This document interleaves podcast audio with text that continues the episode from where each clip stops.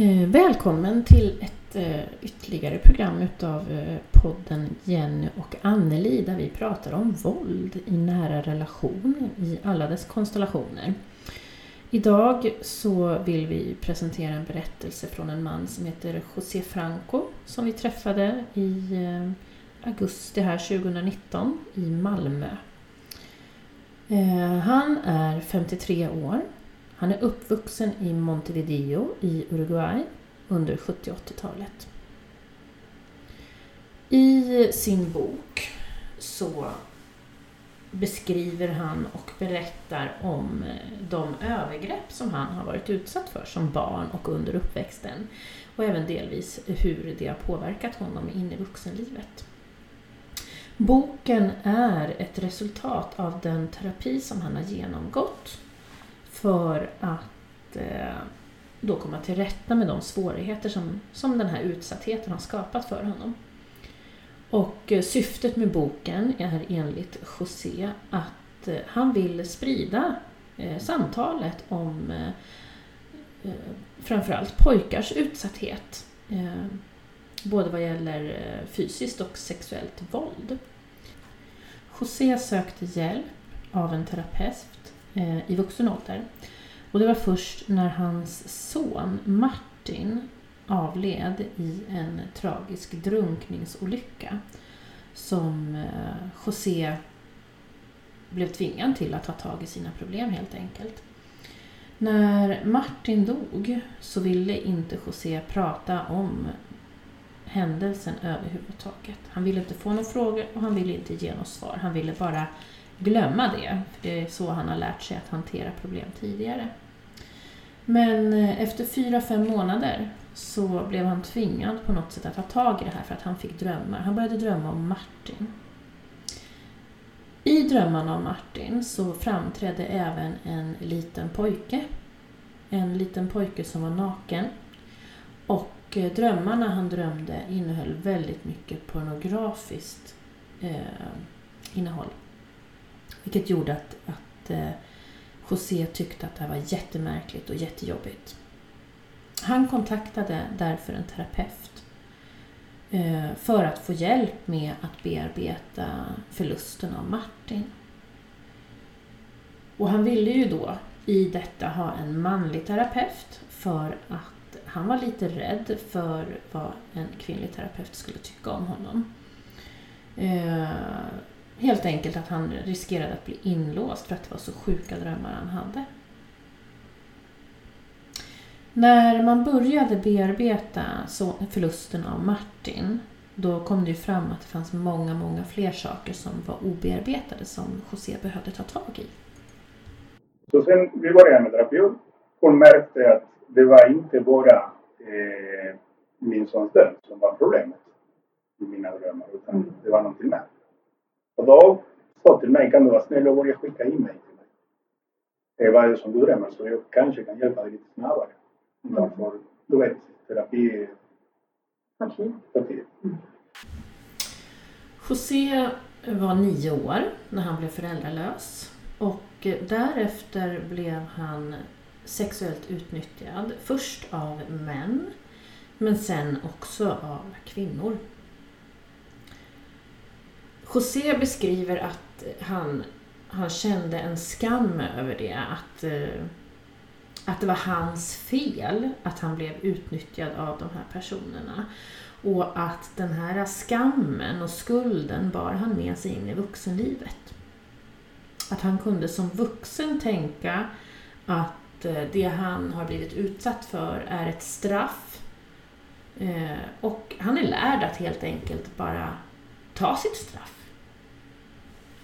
Det enda som jag själv tycker är jag har ansvar är när jag hade skaffat mig en familj, när jag var pappa och när jag var man, att jag skulle själv säga vissa saker som jag gjorde var fel. Mm. Som exempelvis försöka köpa prostitution. Att varje gång som jag hade ett problem, att jag skulle själv säga vissa saker som jag gjorde var fel. Mm. Som exempelvis försöka köpa prostitution. Att varje gång som jag hade ett problem i familjen eller med företaget eller någonting sånt vända mig för att försöka trösta till kvinnor. Mm. Eh, José beskriver att han blev en eh, person som ägde ett väldigt våldskapital när han eh, dels växte upp men också i vuxen ålder. Att eh, han löste alla konflikter utanför hemmet med fysiskt våld. Han kunde lätt gå fram till tre personer och Eh, slå dem eh, om han tyckte att eh, det behövdes. Och så här i efterhand så har han uppfattat det som att när han inte hade några argument, alltså när han inte kunde föra sin talan på något sätt, då, då tog han till våld. Han hade en väldig frustration som givetvis kom ut hemma också, men han använde inte fysiskt våld. Däremot berättar han att barnen kunde bli lite rädda när han fattade ett beslut och var väldigt bestämd i det. Så att han hade kanske en framtoning som var obehaglig för dem då. José är ju van sedan barnsben att det förekommer våld i den miljö där han vistas. Hans bror använde våld mot honom och det eskalerade under Josés uppväxt. Men också systerns dåvarande make, han använde väldigt, väldigt grovt våld på José. Han kunde slå honom med elkablar, han kunde slå honom med foppatofflor. Han eh, sprang efter honom och eh, försökte sparka honom i rumpan och lyckades också ibland eh, göra det. José är en man som är så stark han slå på en fina poliser. Är en skam att den situation som jag haft med min son, det var jag väldigt länge. Mm. Det gjorde att ungefär som skuldkänslor jag försökte betala ekonomiskt eller göra olika saker för att den skam fanns inom mig mm. väldigt länge, väldigt lång tid. Men sen, jag kunde hitta på konstiga grejer som som exempelvis en barn. Jag, jag hade ingen hänsyn när jag hade mina barn i bilen. Så en gång jag, eh, där i Sydamerika, eh, en gata som heter Agraciada i Montevideo, eh, då en taxi gör en sommarnatt. Så jag blev tvungen att bromsa hastigt. Mm. Och då ser jag min son slog sig. Då istället för att ta hänsyn till min son, han slog sig. Det kom den adrenalin som jag blev fruktansvärt våldsam. Så jag gick ur från bilen och tackade taxiföraren. Jag drog ut honom från taxin. Jag slog, och jag tänkte inte på att mina barn satt där i bilen och kunde se det. Sådana saker mina barn har sett flera gånger. Mm. Mm. Du hade ingen impulskontroll? Nej. Det var ungefär som jag, jag såg ett svart. Mm. José beskriver att han bar på en otrolig ilska. Eh, han berättar att han kunde, till exempel när han var på en fotbollsmatch och satt på arenan i lugn och ro och tittade på fotbollen, se någonting på arenan som störde honom och då kunna starta ett jätteslagsmål kring det. Eh, han berättar också om en våldssituation eh, när han åkte buss med sin fru. Hon var gravid och det var en man som troligtvis hade druckit alkohol som råkade stöta till henne i, i samband med att bussen krängde eller svängde och sådär.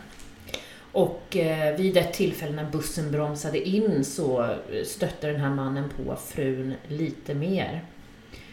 Och då reagerade José med ett otroligt våld och tog tag i den här mannen, kastade ut honom från bussen, ut efter honom och misshandlade honom ganska rejält. Och när han har gjort det, då tog en omsorgsperson över i honom där han då frågade, men hur är det, har det gått bra? Eh, behöver du taxipengar hem? Och det var inte han beskriver att det inte var beroende av att han var rädd att bli polisanmäld eller så, utan det var lite så att han, han gjorde så. Eh, då hade han visat sin ilska och korrigerat det här eh, beteendet. Har jag började prata med honom och om han mådde bra. Att han ta dig hem? Jag betalade till och med taxi för att han skulle åka hem. Och det var inte på grund av att jag var rädsla att en person skulle polisanmäla mig eller någonting sånt. Utan det var att, vad har jag gjort? Varför har jag gjort så? Så det var, det var en stor kontrast. Så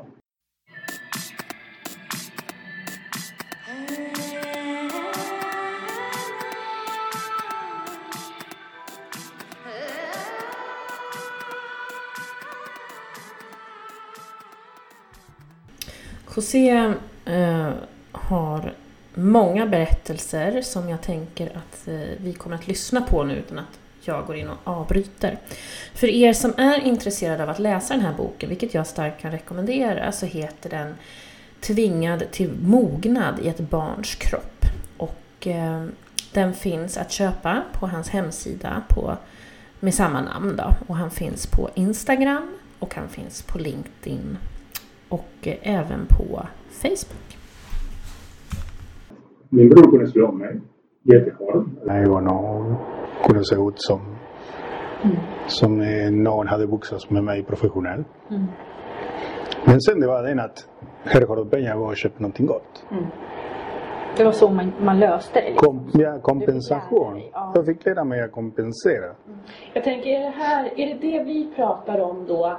Att eh, eh, när män, de får en konflikt och så slåss de så är det över. Men tjejer ska gå omkring och gnabbas. Är det det vi pratar om Mm. då, tänker jag? Ja. Att det blir en så här knäpp föreställning om att det är lite bra.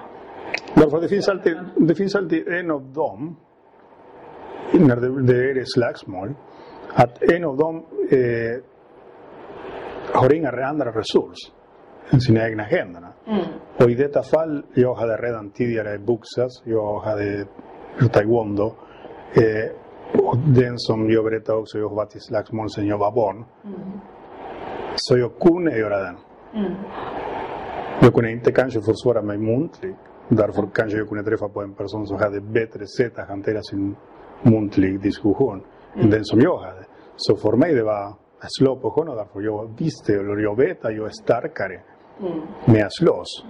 Och jag vet hur jag kan slå en person så att den person ska sluta störa mig. Och, och det, är den, det är den biten som det kommer att all, antingen det finns en av dem som attackerar den andra. Att det inte är en försvar utan det är en, vad ska man säga? Därför jag ser inte den som försvar utan jag ser det som en svaghet. Att jag inte kan försvara mig eller skapa en diskussion med en annan person utan jag måste slå på den personen Ditt istället. sätt att argumentera. Det, det var mitt sätt att argumentera, helt enkelt. Sen tänker jag också att när man läser från början, alltså då när du var liten. Då fick ju du också på något sätt lära att man, eller du fick ju nästa uppmaning, man ska slå tillbaka och ganska rejält. Att man inte ska bli utsatt igen. Och det var ju någon, eh, någon Det- det- det var- tegelsten där. Då var Ja. inte du speciellt Nej, det, det var min bror som lärde mig den. Därför att min bror har alltid sagt, om du var i slagsmål ska du lösa dina problem själv. Därför om jag kom gråtande, någon hade slagit mig, eller jag var i slagsmål och någon äldre hade slagit mig. Och då kom jag in. Och då tog han näven så, fingrarna så. Och med den, här bakom, som fortfarande jag kan bli irriterad. Det kan skapa en irritation om någon på skoj bara gör så. Ja. Ja, eh, det, och det sa en gång till en arbetskollega. Gör aldrig mer detta. Att, Därför, liksom, om nu någon som inte ser att, att slå lite huvudet med ja precis. Mm. Det, det, det kan skapa min total irritation. Att jag kan bli jättearg. Mm. Och, eh, och hela den biten, det var den som, som jag växte upp med. Och dessutom jag växte upp i ett område där att slåss, det var ganska normalt. Som jag berättade, ibland samlades folk i hörna och, och började, började slåss. Ja, för det var, om man tänker, om du växte upp i Uruguay Mm. och, eh, och då, då man, när man ser de här bilderna när du beskriver så slogs ju nästan både vuxna och barn lite varstans för att lösa olika saker, stora och små problem egentligen. Då, det gjorde man genom att göra upp. Så. Ja, det, det, var på, det var på det viset. Och det var på det viset om att eh, exempelvis om när vi spelade fotboll alla mot alla och det var att slåss på varandra för att nå bollen och alltihopa någonting sånt. Och det var det inte. Det var det. Du ska inte gråta därför nu är du en man fast man var tio år gammal. Och det var att resa upp sig och gå igen mot mot motståndaren med hela sin ilska och försöka bryta benen på den personen eller skada på den, till den personen väldigt ordentligt. Man kanaliserade den här sorgsenheten och, och, och sårbarheten, ilskan. Helt, för det tänker jag, det möter ju vi jättemycket på de barnen eh, som, som kommer till oss. På stödboendet Att- Ja, på stödboendet. Precis som, eh, att, att det är väldigt mycket ilska. De löser ju väldigt mycket med våld. För att de när vi kommer in och kan börja fråga men vad är det du känner så kan de med, med god hjälp givetvis då börja identifiera att de kanske känner sig ledsna, bortgjorda, sårade eller vad det nu är. Att det är inte egentligen ilskan i sig. Mm. Men aggressiviteten föds i det. Men som det, det finns också en annan sak, Anneli, som jag tycker att det är viktigt. Speciellt i, i mitt fall och när du, vi pratar om detta är att jag brukar alltid säga så här, jag har flyttat från det svarta landet till det vita landet. Mm. Jag tänker att där borta och kanske till och med i ett annat land, andra, länder som vi ska inte ta exempel men det, var det finns kriget eller någonting sånt. Det finns våld som kommer från ingenstans. Och då lär sig man att den våld är normal. Och helt plötsligt jag flyttar till ett land som är Sverige om varje slagsmål. Det är inte okej. Eh, här pratar vi. Här kommunicerar vi. Här försöker vi lösa de problem på ett annat sätt.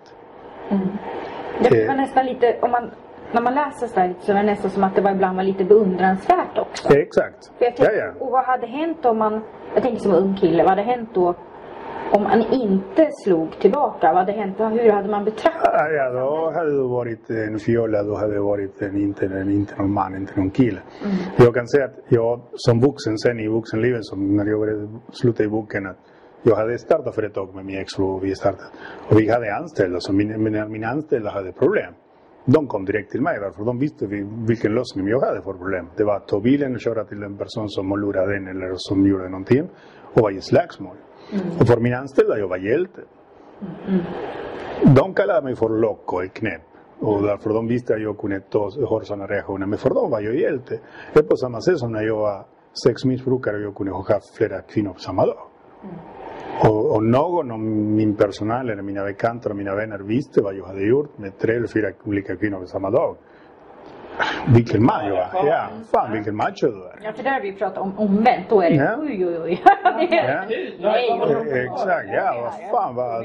Då, då, är då är en riktig tjur, det är ingenting att snacka om saken. Men när jag ser idag, som jag ser på saker och ting, allt som jag har gjort, tänkte vad fan, hur många fel jag har gjort. Precis. Och det här då, eh, eh, för det pratade vi ganska mycket om idag, det här med eh, när, när du berättar att du vänder dig till de här prostituerade i, egentligen i, i hämnd. Eh, var det så att de också fick, fick liksom ta emot den här ilskan? Att du, Nej. Nej. Eh, kan säga till, eh, kan säga en sak som inte är roligt, men eh, det låter inte roligt heller. Jag var ganska populär på ett snällt sätt mot dem. Eh, jag till och med efter min skilsmässa jag kunde ha haft vänskap med några prostituerade som prostituerade sig i området. Så när de, var, när de hade jobbat färdigt, de kunde komma hem till mig och, och prata och sitta och skoja och alltihopa. Eh, därför de visste att jag inte var en våldsam typ mot dem. Eh, jag var en man som kunde lyssna eller kunde sitta där och respektera deras yrke. Och samtidigt, jag tror det är annan anledning att jag själv respekterade lite grann deras yrke. Det var på grund av att jag fick veta sen ganska tidigt i livet att min biologiska mamma var också prostituerad. Och, eh, och då jag tror att det finns en koppling mellan mitt sätt att vara, mitt sätt att behandla dem eller respektera dem. Sen det var en konstig, ganska konstig situation som det var när jag var ungefär 19 år gammal. Jag jobbade på en fabrik som jag berättade också där i boken. Och en av, en av de anställda, han var gift med en prostituerad kvinna. Så eh, vi visste var hon jobbade. Han till och med ibland kunde gå förbi och lämna mat till henne eller någonting sånt. Och det gav mig en annan bild också att den prostituerade kvinnan, det är en, det är en, en person, det är en människa. Eh, och så det, Som ett sätt, eh, liksom som vilket annat jobb som helst då. det är någonting som är lagligt där borta. Det är någonting som de, de har sitt eget område. Eh, det enda som, som var annorlunda är att polisen kunde komma och göra en razzia och kolla om de har gått på läkarundersökningar och sådana grejer. De, om de inte gjorde det, de skulle sitta 24 timmar eh, i arresten för att sen skulle gå och göra undersökningar under de 24 timmarna. Sen den tråkiga var den andra historien som själva kvinnor ibland berättade för mig. De blev utsatt för att betala för att kunna gå ut till sitt jobb lite tidigare. Ja, just det. Mm. Och det är tråkigast. Men jag skulle vilja gå tillbaka lite där när du var liten och det. Mm. Eh, för man förstår ju att du har träffat många våldsutövare. Mm. Eh, både män och kvinnor egentligen. Och som man, om man tittar på dina föräldrar som du växte upp med. Där fanns det ju, ja din mamma var ju väldigt Mm. stark och löste situationer sådär. Men där när du började med att berätta om det då kändes det som inte, det var ju mer än något slags normalt fast det ändå var att man slogs. Men sen Mm. så kom de här andra in med din systers man och, och ja, det var flera olika Mm. brodar som kom in ja, och som också utövar grovt våld och nästan oprovocerat bara när som helst och hur som helst. Men det är som jag säger att det finns en skillnad mellan svartlandet och Ja. vitalandet. Ja. Eh, jag, det hände en situation på mitt jobb för ett, ett, år- alls, ett, jag tror det var två år sedan. Som en spansk familj som var här som turister. Eh, nära min kassa. Eh, pojken var ungefär 16, 15, 16 och han var, verkade som han var lite omöjligt. Som pappa vände sig och ger en örfil till sitt barn. Men det var Det var en riktig örfil som det fanns på övervakningskamera och alltihopa. Och då lämnade jag alltihopa och gick till kassan och gick till, utan ord från kassan och gick till attack mot en pappa. Och tog honom utanför och försökte trösta barn. Och det som är skillnad är att jag är här i Sverige och jag vet att detta är inte normalt.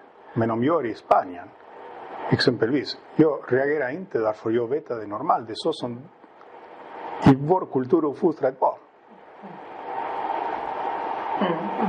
Så enkelt är det. Så ibland när jag ser exempelvis en svensk kvinna som bär sig lite konstigt med sitt barn som skriker och då tittar jag på henne lite så. Men om jag är i Spanien och ser en mamma som ger en örfil till sitt, sin dotter eller sin, sin pojke. Då vänder jag mig och går därför jag vet att det, det är en kultur. Så du anpassar dig. Ex- Men som jag säger, jag fortfarande, och det, det är ingen skoj, jag, om jag rör för mycket i detta örat, jag har fortfarande ont. Och det är den på att min mamma hade den lösningen att mig i örat, lärarna mig i örat. Som jag berättade, det var jätteroligt, den, den berättelsen när jag dansade nationalsång och kom rektor och paff! Och det var ingenting att diskutera, det var ingenting att jag skulle gå och berätta för någon. När rektor gjorde mig så, ja men varför gjorde du så? Därför jag dansade nationalsång, paff! Där gör man inte det. Så man visste om man berättade det, man fick två gånger på truten. Så enkelt är det. Eller om man inte försvarat sig eller gjort något. Mm. Alltså, det fanns nästan ingen... Alltså man upplevde hur man än gjorde så fick man nästan en Det, huggning. det blev fel. Liksom, ja, Mm. det Och det, det, är det, som, och det är som jag också eh, som jag håller på med nu när jag skriver den andra boken som heter, kommer att heta Tillit. Och den biten är att jag var rädd för att berätta om de människor som gjorde sådana saker med mig. Därför jag var rädd om jag skulle gå och berätta till den andra personen. Kanske den andra personen ville också göra samma sak med mig. Hur, hur visste jag? Hur, hur kunde visste jag att en person var snäll så? Därför de andra också var jättesnälla mot mig. Men de utsatte mig på vissa saker som de borde ha inte gjort. Och det här funderar jag också över. Att, eh, för, för det pratar vi också om. Vi vet ju att, att personer som är utsatta redan ofta blir eh, utsatt mer. Mm. Så. Men, men är det så att, att den här kulturen av den här vålds liksom, och maktkulturen har den på något sätt bidragit till att du har blivit mer utsatt än om du kanske skulle ha varit lika ensam i, i en annan kontext? Förstår du vad jag menar? Jag förstår vad du menar. Men jag, jag, när jag analyserar alltihopa, när jag analyserar själva boken och vad jag har skrivit, vad jag har gått igenom och hur jag ser exempelvis nu, när jag pratar med bilderna om situationen. Jag tror det hade inte förändrat. Jag tror att här det, det handlade mest om en sak. Alla visste att jag var ensam. Alla visste att jag hade inte någon att vända mig. Alla visste att jag det fanns inte någon som jag kunde gå och berätta saker och ting. Det fanns ingen mamma, det fanns ingen pappa, det fanns inga syskon. Så det var det. När, när jag tittar bakom i tiden, den pojken som tog mig hem till sig och hur jag kan se bilderna och jag hur kan se hur han beter sig han, och hur han, han var sig en gång när jag sitter i trädgården och han kommer från ingenstans och ställer sig framför mig. Det var ungefär det ansikte som han hade. Vad fan, du, vad ska du göra? Du har inte någon. Du kan inte blanda dig. Vem kommer tro på dig? Jag har tolkningsföreträdet. Så tänker jag lite också att det blir ju de här vuxna personerna. Men i, i, det, i det fallet tänkte jag på den, på den mannen som jag i boken kallar Don Lorenzo. Och det, det är att det, det var en familj som var jättesnälla, som de hade flera barn, flera barnbarn. Eh, vem skulle tro på mig när jag kom tillbaka till Montevideo med en familj och säga Den här "Tänk- idylliska familjen liksom Mm. utåt då. Exakt. Ja. Vem skulle tro att den personen skulle tvinga mig att göra detta eller den andra eller den tredje? Ja. Inte någon. Jag, jag själv ibland, sen när jag tänkte nej, det, är inte- det, det är inte sant. För det är så overkligt liksom. Mm. För jag, jag tänker också lite, eller vi pratade om den här sårbarheten att eh, som sagt, du hade ju ingen riktigt fast punkt utan du vandrade ju från olika punkter och, och visste ju nästan aldrig riktigt var du skulle hamna utan nu hamnar jag här och sen så bestämde de att det skulle vara här och, eh, och också som du säger att det finns ju så, det är ju så lätt då jag, jag har tänkt jättemycket, för jag har ju också varit med om övergrepp. Att jag har tänkt och råkat ut flera gånger. Man har funderat på varför har det liksom upprepats när man var barn. Och då har jag ju tänkt att det kanske är för att man visar någon slags sårbarhet på något vis. Jag vet, man försöker få en eh, förståelse. Varför? Jag, jag försöker Eller- fortfarande. Ja, man kommer jag, jag, jag, jag, jag tänkte, jag vad, inte. jag, vad har jag Ja. gjort för fel för att den personen ska välja mig? Ja, just det. Det är den, det är den som, som jag har tänkt. Varför? Och, och då startade jag den på fotbollsplanen. Varför det fanns så många barn? Varför jag? Mina föräldrar satt på andra sidan. Han riskerade alltihopa. Jag skulle avslöja alltihopa men Ja, hur hamnar vad, du ja, liksom? vad var det för fel som jag har gjort?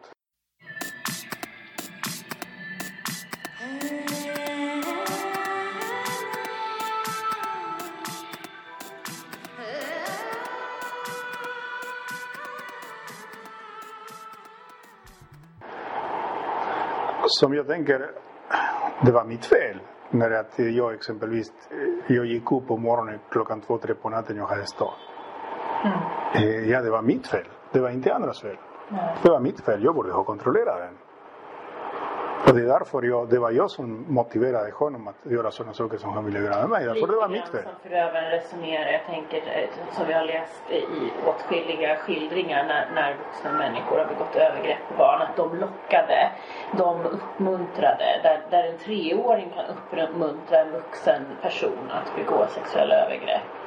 Att de ville det. Fast jag menar det fattar vi ju i friska hjärnor på något sätt. Att så ser det ju inte ut. Det, det, det är en sak som jag inte fattar Nelly, och det, jag har haft diskussion bland annat med en person häromdagen.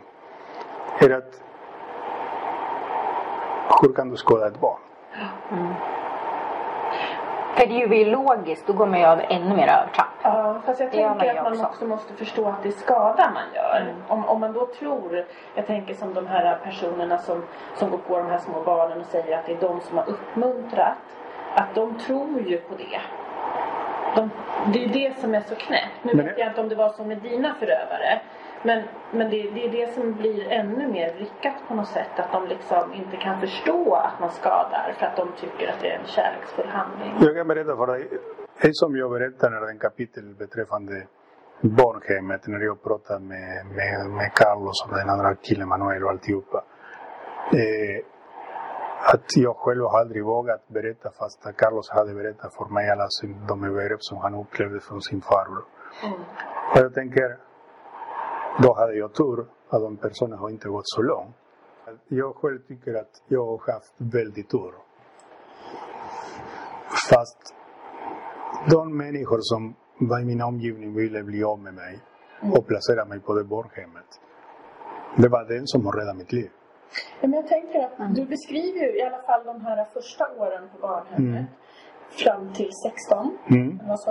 Eh, så, som att, att det var ändå ganska skönt. Det var en, en homogen grupp där det var vuxna som absolut hade sina märkliga sidor men som ändå var bra omsorgspersoner och ni hade liksom ett brödraskap i... i Och det är den som de kämpade hela tiden för att vi skulle vara en familj. Ja. Och, eh, och som jag beskriver vissa personer som jag, om du har en konflikt framför dig, ta, ta den konflikten och sen nästa. Och det är sådana grejer som, och jag, eh, det är som jag tänker att hur många barn har den tur? Efter allt som de har gått igenom som små barn. Att hamna på och placeras på en sån barnhem eller för en fosterfamilj var de tar hand om dem ordentligt. När jag hörde berättelser om personer som berättade ja, men jag var på olika fosterfamiljer och de tjänade pengar från mig eh, för att jag var där. Och sen eh, de drack och de gjorde det och de gjorde det andra och det tredje. Begriper jag inte. Mm. Att man tar till sig det här stora ansvaret och blir en stabilitet för någon och inte kunna leverera det som familjehem. Mm. Det, det tänker jag ju, nej, det är ju högaktuellt. Mm. Nu tänker jag som det är väldigt mycket efterfrågan på familjehem också. Då blir det lite kreti och pleti som faktiskt får de här uppgifterna. Därför jag har en bekant som han hade problem med mamma. Mamma hade mycket stort knarkproblem. Och han har blivit placerad på olika. Och det gjorde att han fick lära sig att boxas för att försvara sig. Därför att som han inte visste var skulle han hamna. Han kunde få en pappa i familjen som var våldsam, som ville göra sig på honom eller någonting sånt. Och då tänker mig, om jag tar en sån ansvar att ta ett barn hem till mig. Ska jag inte ge ett barn ett sämre liv än det som de har haft. Mm. Jag ska försöka i alla fall att de ska känna sig trygga. Kanske de gillar inte mig barnen på grund av att jag har tagit, eller kommer att ta en roll, en papparoll. Men i alla fall jag ska försöka göra att de känner sig trygga och de ska ha det bra.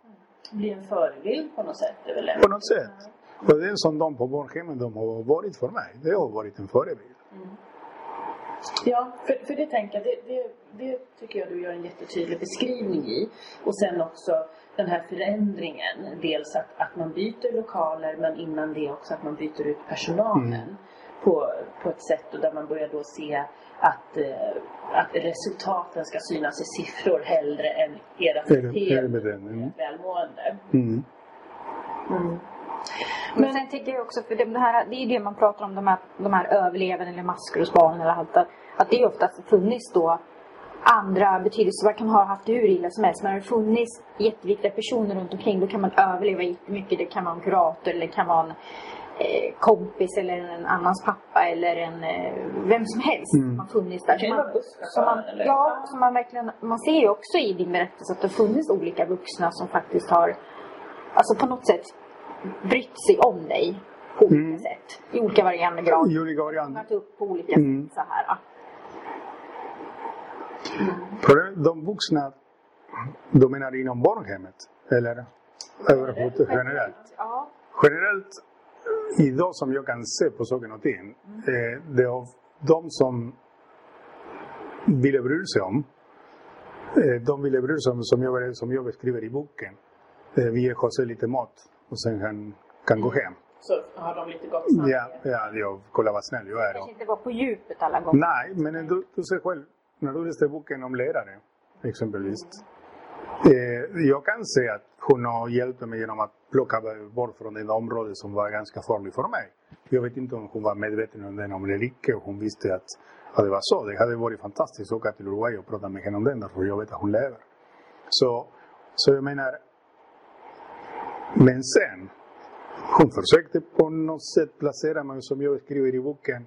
Eh, egentligen det var hennes moster, eller hennes moster, som hjälper mig mest konstruktivt. Och som det inte fanns någonting konstigt i den familjen. Som jag kunde komma dit och känna mig trygg.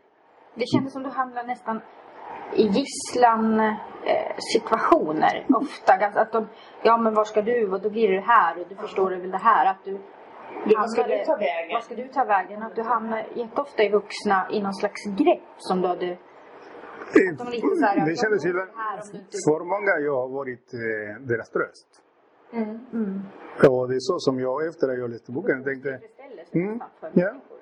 verkligen. Ja. Därför exempelvis när jag läser min faster, som egentligen kallas henne är hennes riktiga smeknamn. Eh, jag tänkte, hon var fantastisk. Jag älskar henne jättemycket och älskar fortfarande henne. Och jag har bra fina, fina minnen därför hon eh, det var hon som gjorde att mina föräldrar fanns i livet, även i, vuxen, i vuxentiden. Jag åkte hem till henne med mina barn och hon berättade historien om mina föräldrar till mina barn. Men ändå, hennes sätt att uppmuntra mig för att jag skulle ha relation med vuxna kvinnor. Mm. Det var inte normalt för en mamma som hade tre vuxna barn. Därför när hon uppmuntrade mig för att jag var 16, 15, 16 och jag skulle ha den, den, den, den relation med en kvinna som var 30 plus och hade en liten dotter. Och sen, mm, och sen att hon uppmuntrade mig för att jag skulle ha sex och det är inga problem för henne om jag fortsatte en relation med, med den som hade varit sambo till, till sin, sin egen son. När jag läser sen den idag, så men det var inte bra. Hon borde satt stopp och säga då, Mm. Lite, lite så här, vi har vissa gränser att Mm. oss till. Vad som är bra och vad som är dåligt. Så.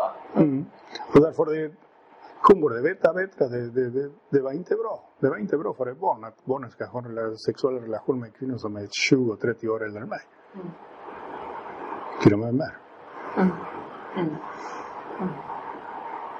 Men det, fin- det finns, man, man kan se hos många personer så finns det väldigt både gott och ont. Man har, att det är liksom att du vet inte riktigt. Det bara Men, men jag ibland tror kan, man att det är gott och sen så blir det ont. Alltså det, men det är det som jag kunde, det är som jag kunde uppleva exempelvis med Belinda. ja. hon lärare. Och det är den biten. Är att alltihopa var bra och man kunde ha ibland en lite mamma och, och son relation. Och det, hennes problem började när hon började dricka. Då det var den som hon tappade total kontroll. Så hon hade ingen fokus på det som hon har gjort och hon har inte gjort. Men egentligen var ju hennes hjärna då grumlad. Det blir ju, Mm. och då blir ju inte rätt beslut heller. Och, och, när jag, Inte någon ursäkt men. och, och när jag tänker nu efter, efter tiden och när jag egentligen det var hon som skapade min självdestruktiva beteende. När jag började som 17, 16, 17 att festa som bara den och dra mig, och dra mig till vuxna kvinnor. Därför den biten som gör att jag drog mig mer till äldre kvinnor på den tiden, under den perioden, det var på grund av att, som jag beskriver i boken, jag hade fått, jag hade kommit, jag hade fått snuskiga tankar om henne. Jag slutade tänka på den Belinda som var min, hade varit min lärare och som hon skulle bli en sätt av mamma. Utan hon var en kvinna för mig. Mm. Mm. Precis, och du, du exponerades ju också för det på Mm. ett olämpligt sätt, tänker Exakt. jag. Mm. Även om, om utifrån din beskrivning så uppfattar jag inte att hon var ute efter Nej. någonting så. Bara det att det var så olämpligt eh, av henne att närma sig dig på det sättet och, och speciellt den här nakenheten. Mm. Så. Mm. Samtidigt så tycker jag om henne. Jo, och jag kan säga att en del av mig älskar fortfarande henne. Mm. Och jag skulle träffa idag henne. Jag skulle först ge henne en jättestor stor kram och pussa henne och tacka för allt som hon gör. Men sen kanske jag skulle ge hon- henne också en jävla spark i röven. Om man pratar klart och tydligt. Därför att eh, jag skulle vilja fråga henne om hon var medveten när hon var berusad vilka, vad är det som hon orsakade i mig. Mm. Och den här viljan att kontrollera dig när du börjar bli vuxen. Mm. Att på Ja, den här andra här kvinnan som du besökte då när du Ja. sa att du var farlig, polisen där och Mm. hämtning och... Ja, då var det nästan som man upplevde att hon var svartsjuk ju. Ja, och det upplevde poliserna också. Jag, Ja. jag, jag, när, när polisman säger till mig, är det inte så att hon, eh, han säger tydligt, är hon inte så att hon är lite kåt på dig? Jag ville, ville försvinna. ville, ville, ville, nej, så, så hon är min lärare. Jo, men alla växer. Så, nej, nej, men hon ville hjälpa mig. Nej, så han, och han var väldigt säker på, han var väldigt säker på sitt sätt. Ja, han ja, verkligen. Han hade jobbat som polis i flera år. Nej, nej, så därför annars skulle hon inte anmäla dig på det viset. Nej, det kändes lite... Därför hon sa att du var farlig. Jag sa, farlig på vilket sätt? Ja, det- ja men hon så, mhm, så. Och just ville anmäla den andra kvinnan. Exakt, ja, hon ville, hon var mycket på på den. Och det, det glömmer jag aldrig, det samtal som vi hade i hennes kök. Och jag satt mig så nära dörren för att kunna försvinna om diskussionen skulle bli lite kraftig. Och då, det var att hon ville veta allt som jag hade gjort med den personen, eh, i vilka positioner, hur, när, datum, tiden, alltihopa. Därför jag ska anmäla henne. Ja. Och det var för, För du var ju ändå så gammal också, tänker jag. Ja. Du var ju nästan myndig. jag var nästan, nästan mindre, därför jag var redan nästa 18 där. Mm. Jag vet inte varför vill du göra det? Förstod du då att det var svartsjuka? Det, det gjorde redan då, Mm, ja. hon kunde inte släppa det. Så det var någon slags äganderätt nästan? Att man, Eh, att hon, hon, ville, hon ville ha makt. Makt och kontroll. Och det visade öppet när hon började gå till jobbet och låsa in mig. Att jag skulle inte kunna gå ut. För det var ju jättemärkligt. Mm. Det är ju, eh, jag tänker den här totala kontrollen. De som kommer till oss och bor som verkligen behöver skydd. är Mm. Också inlåsta tänker jag. Så- gånger. Så det, på det viset som hon låste in mig och jag kunde inte gå någonstans och jag skulle vara hemma hos henne vid en viss punkt och, och alltihopa. Och för mig, det var fortfarande som den sången, La vida loca. Jag, vi upplevde den och men hon kunde inte, och det som jag inte begriper är att varken hon och dens moster som hon hade som var psykolog och hon var en eminens i psykologi i Uruguay. Hon var även i Sverige Ja, hon var även i Sverige och gjorde kongress. Och då fattade jag inte hur, hur de personerna inte ställde mig den rätta frågan. tror du att de anade? Alla, alla visste, det fanns inte någon som, till och med hunden i familjen visste att jag drog mig till eh, vuxna kvinnor. Därför när jag gick och rastade hunden, det var bara mest för att hunden var jättevacker. Han var en chef och så passade på att ragga på vuxna kvinnor med hunden. Så jag menar, alla visste. Och det som hon säger flera gånger har sagt till sin son, kan du prata med José därför eh, han kan inte fortsätta med vuxna kvinnor och hon springa efter vuxna kvinnor och alltihop. Alla vet.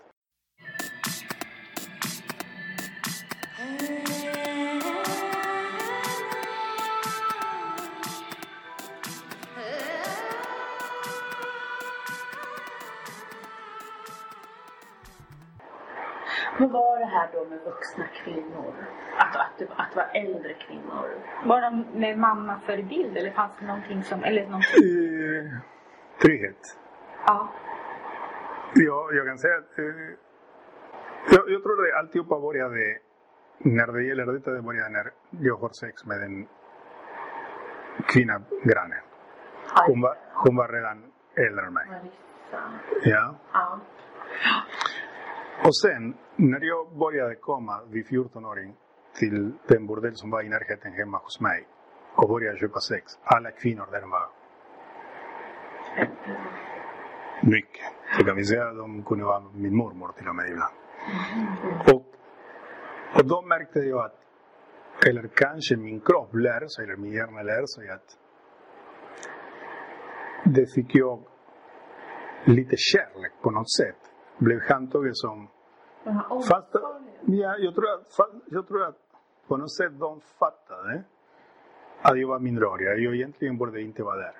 Ljög du om din ålder? För det ser man ju några gånger att du har... Att du fått sagt en annan ålder. Ja, ja. Men du. eh, Eller? Ja. Nej, du, du visste eller hade koll. det, det, de borde ha koll Ja. på den som, som jag egentligen var. Men för min del det var att jag hittade den som jag ville. Det, det, det, det, det enda som jag kan se som tråkigt idag om all den historia med prostitution och alltihopa är att jag fick sex med dem för att kunna få den kram och en puss som jag behövde. Och det kan vara den situation som för mig idag kan göra mig ledsen. Att de kvinnor, okej jag förstår att de behövde pengar eller det var deras yrke och alltihopa. Och helt säkert de förstår att jag var ett barn som behövde lite kärlek, någonting sånt. Men att gå till den situationen man ska ha sex. Precis, att det blev förutsättningen för att kunna få det här andra. Fast egentligen kanske inte var sexet i sig. Nej, därför Kanske i början när jag startade den situationen med prostitution, det var därför det var precis när jag hade varit hos den lärare som han ville tvinga mig också att ha med, med hans rum. Och då var en reaktion om bland annat om ilska på, på grund av den situation med lärare. Han hade så makt över mig helt plötsligt som jag inte förväntade mig. Men samtidigt i den situationen, och det kan jag bekräfta idag, i den situationen. Det var en situation som jag ville bekräfta för mig att jag fortfarande var en man. Ja, det var något sånt. Att bevisa det. Eller? Exakt, bevisa för mig själv att jag kan prestera som en, som en man. Att den människa har gjort den som han har gjort bakom mig. Men jag var fortfarande en man. Och det går genom könet. Exakt. Och den biten, det kan jag konstatera, det, det blev så. Men sen, i många olika situationer, som det blev en avreaktion på grund av att min ilska och använda sex som att kasta allt depression som jag hade. Den biten kan jag tycka att det finns fel på bägge sidor. Men det, var, det blev, blev det som en slags ångestreglering? Jag tänker då eh, att det förändrade ja, men i hjärnan också. Men det gjorde jag, men det gjorde Jenny, det gjorde jag kunde tänka klart sen. Ja, för att kunna tänka klart. Och som en utrensning. Mm. Ja. Det, det finns folk som går ut och springer, det finns folk som går ut och röker, det finns folk som går ut och dricker.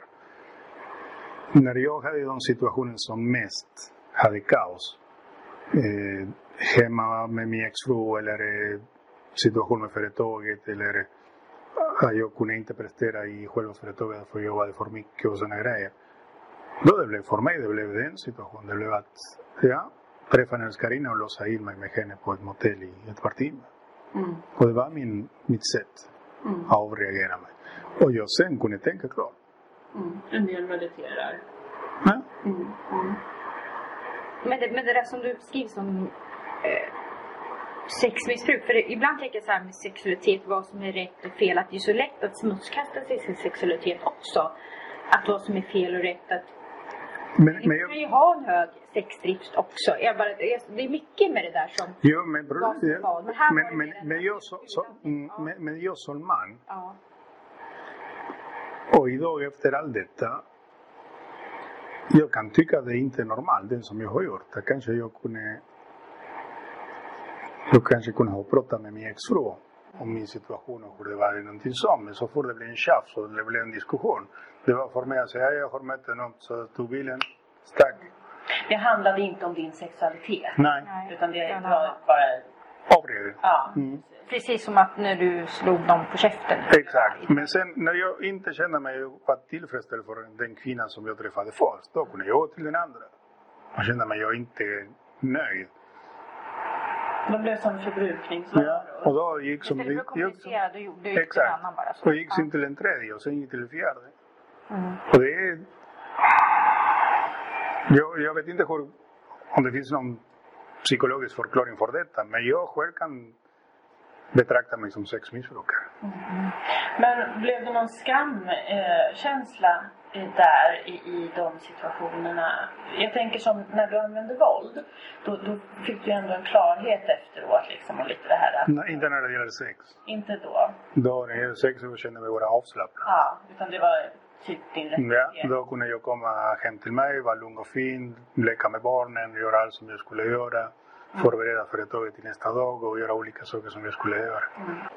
Reagerade hon någonsin med smärta av att du gick till andra kvinnor? Nej, det blev en situation en gång som, eh, som jag hade en kvinna en, en ganska lång period. Hon var gift också. Och det visade sig att en kvinna efter som jag hade varit med henne ringde till min exfru och berättade vad vi har gjort eller vad hade vi inte gjort. Så en gång kommer jag, öppnar dörren så hemma och då konfronterar mig hon säger då, denna människa ringde igen. Och jag blev paff. Jag tänkte, jaha. Ja, hon ringde och sa vilken motell ni var, vad har ni gjort, vad har ni inte. Det skiter jag i vad du gör där ute. Men den personen ska inte ringa mig mer. Ja, jag vill inte veta. Exakt. Så, dra inte in mig Mm. i det här. Mm. Så att hon var lite nöjd ändå. Ja. Bara hon hade sin bubbla då eller? Nej, Hon hade sin ekonomisk trygghet. Ja. Eh, Hon kunde visa sig att hon fortfarande var en kvinna med makt inom företaget och inom den branschen som vi jobbade med. Hade ni en bra social status då när, när ni hade företaget? Ja, det hade vi. Ja, för det har ju vi pratat om en del också just det här att, att kvinnor, eller män, kan fastna i relationen för att det är en ekonomi som... Som, som jag berättade i boken, ni, ni sa att ni har inte kommit till de sista sidorna men vi var jättefattiga när vi träffades och det var jättesvårt ekonomiskt till den punkten som vi fick eh, skriva namn på olika personer och låta till vem skulle upp. Hej, vi var i närheten. Vi kom, Ja. men egentligen vi ville komma och äta. Ska vi hade inga pengar. nu? Ja, precis. Ja, ska ni äta? Åh, vad trevligt. Nej, men vi kan gå. Ni ska inte störa. Nej, ni kan stanna kvar. Ja, Ja. typ, det. det var det som vi ville, men vi har inte sagt. Men sen när vi startade företaget och från väldigt kort tid, på väldigt kort tid, det gick från starta företaget till beroendet. Och det var var ni hade ert företag? Som man, man, En gång till. var, var, hade ni företaget? I Uruguay. Ja. Mm. Och det blev att hennes attityd har förändrats. Jag är José, man till... Ah, ja, välkommen! Då började de... ja, varsågod. Var vill du sitta? Vad vill du göra? Så det var hon som var, höll i allting? Exakt. Ja. Och det var mycket mitt fel.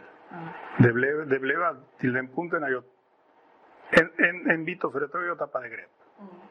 Men, men jag tänker att det blir ju också en, en, eh, en situation där man då förlorar också kontrollen. Man förlorar total kontroll. Ja, hur, kan det kopplas ihop med de här upplevelserna du har haft? Därför, när jag tappade kontroll där, jag tappade kontroll personligt också. Och när jag tappade min personliga kontroll, jag kunde inte hantera mig själv, jag kunde inte hantera den situationen.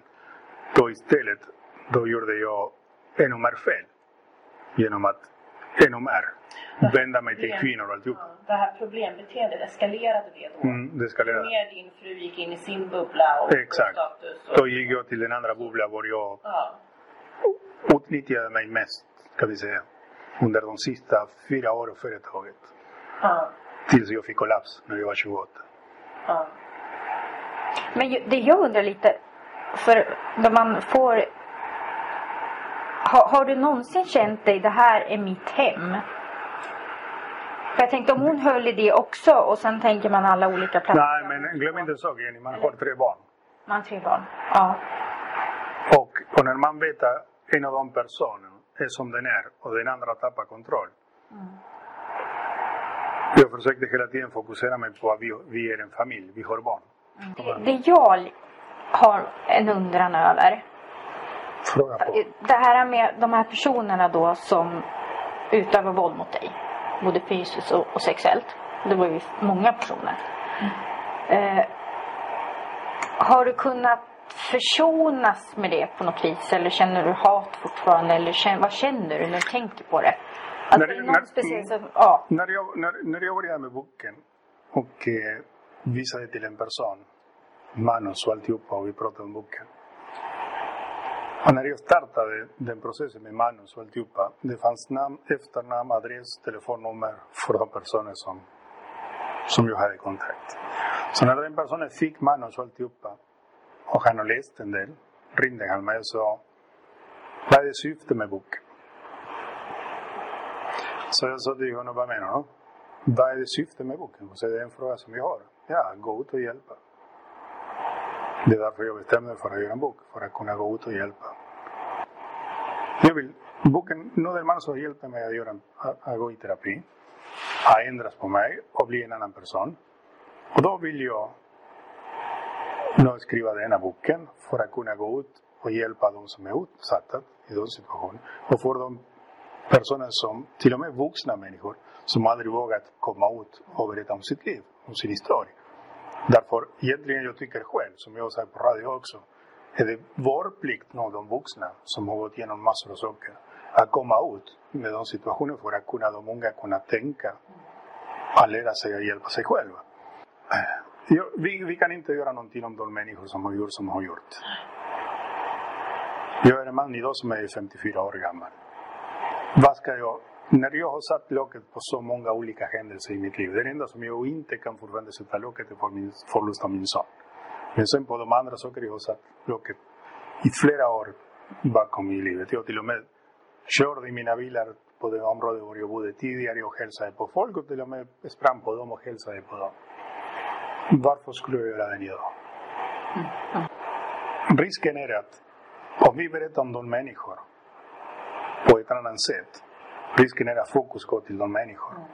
Inte till det som vi egentligen vill. Som det vill säga att, att hjälpa de som har blivit utsatta eller som kan bli utsatta.